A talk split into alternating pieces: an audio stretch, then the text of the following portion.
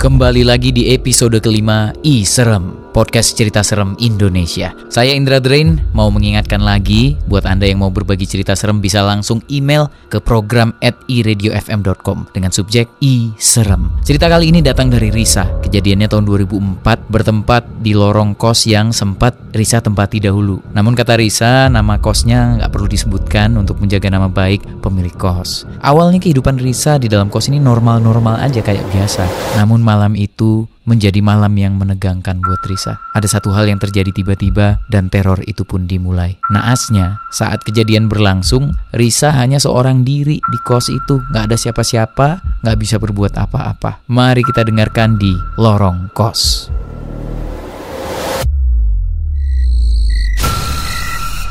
Malam itu, Risa baru sampai di rumah. Ia lelah setelah banyaknya aktivitasnya hari itu. Ia sangat mengantuk, namun ia sempatkan mengecek handphonenya. Hmm, aduh, badan pegel banget. Chat doi dulu kali ya, siapa tahu masih bangun.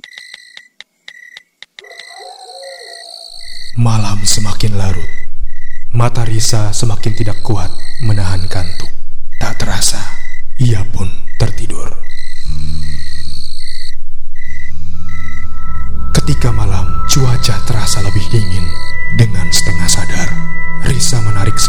Yang persis berada di bawah kakinya. Namun, selang beberapa menit kemudian, ada keanehan. Selimut Risa turun lagi, seperti ada yang menariknya. Kejadian ini terus berulang sebanyak tiga kali dan membuat Risa terbangun dari tidurnya. His, dingin banget sih malam ini. Jam berapa sih ini? Duh, masih jam 4 subuh juga lagian. Lanjut tidur lagi aja deh mending. Eh, ini kenapa ya selimut turun-turun mulu? Mesti diikat ke badan kali ya?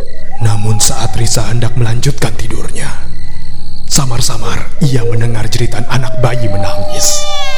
Siapa lagi anak bayi jam segini yang nangis? Perasaan di kosan gue nggak ada yang punya anak bayi deh. Risa pun bangun dan perlahan berjalan untuk menyalakan lampu kamarnya. Kemudian Risa berjalan menuju jendela kamarnya karena penasaran dari arah mana sumber tangisan anak bayi berasal. Anak siapa sih? Ganggu aja. Masih pagi buta gini pakai cara nangis. Siapa sih yang bawa anak bayi kosan gini lagian?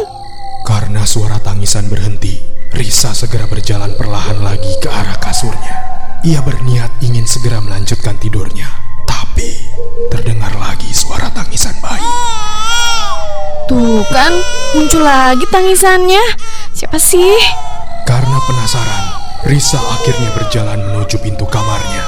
Namun saat hendak membuka pintu kamarnya, terdengar samar-samar suara perempuan yang tertawa. Wah, bener-bener nih. Siapa sih yang ketawa pagi buta gini? Ini tuh masih weekdays loh. Tak pagi masih kerja. Ganggu banget sih. Karena rasa penasarannya semakin meningkat, Risa membuka pintu kamar dan menoleh ke kanan dan ke kiri. Namun sayang, ia tidak melihat seorang pun.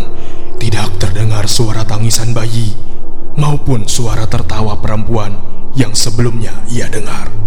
Risa menjadi kesal dan segera menutup pintu dan berjalan ke arah tempat tidurnya. Risa masih belum curiga dengan suara yang ia dengar. Ia hanya menggerutu mulai tidak nyenyak. Semenjak selimutnya selalu terhempas ke arah bawah kakinya lagi. Lagi-lagi suara ketawa perempuan terdengar dari jauh. Risa berusaha tidak memperdulikannya. Namun, saat Risa berusaha memejamkan matanya lagi, handphonenya berbunyi. Ya Allah, orang ngantuk, capek, mau tidur aja, ada aja gangguannya. Halo? Halo sayang, ah tumben banget kamu bangun jam segini. Iya nih yang sebel banget deh. Cuaca hari ini kan dingin banget tuh. Udah gitu tuh ya dari tadi aku denger suara anak bayi nangis. Pas aku cek sumber suaranya ya, suaranya berhenti.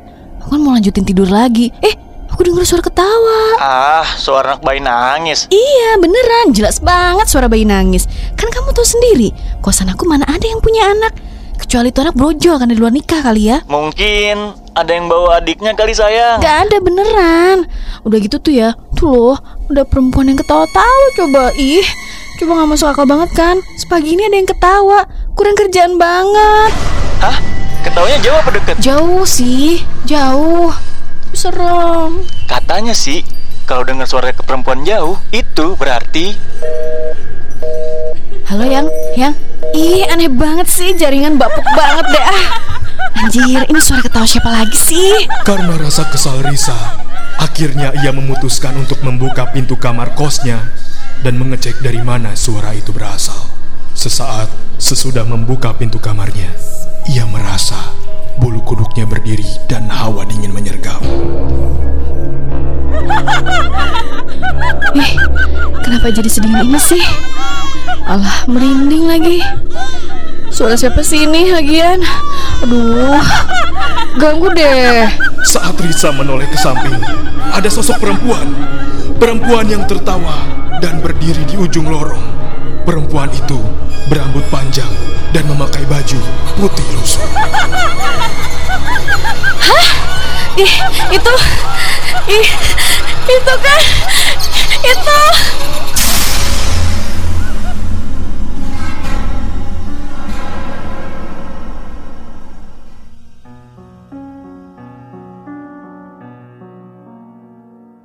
Riz? Riz?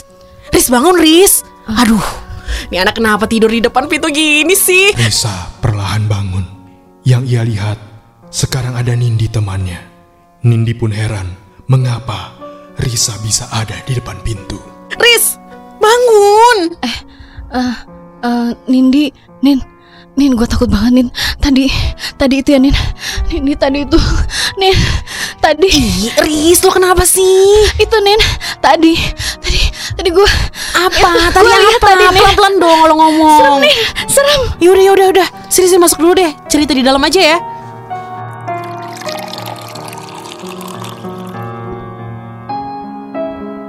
Tadi tuh ya Nindi, tadi gue liat setan Nindi, gue liat kuntilanak Nindi. Hah? Serius? Di mana? Ada di ujung lorong sana nih deh. Tadi itu jelas banget. Yaudah, yaudah, udah. yaudah.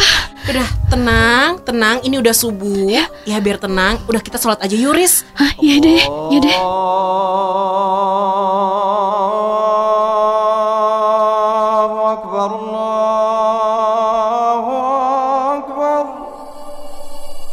Esoknya, Risa pun berani menceritakan pengalaman buruknya tadi malam kepada teman-temannya. Nindi akhirnya buka suara. Ia mengaku bahwa ia tahu soal sosok hantu perempuan itu. Namun ia tidak tega melihat kondisi Risa yang pingsan. Kabarnya, kos Risa dulunya adalah kuburan dan ada sumur tua. Jadi sepertinya wajar kalau ada penunggunya. Risa terkejut, namun ia hanya bisa pasrah karena ia harus menunggu sekitar tujuh bulan lagi jika ingin pindah dari situ. Apakah akan terulang lagi penampakan itu?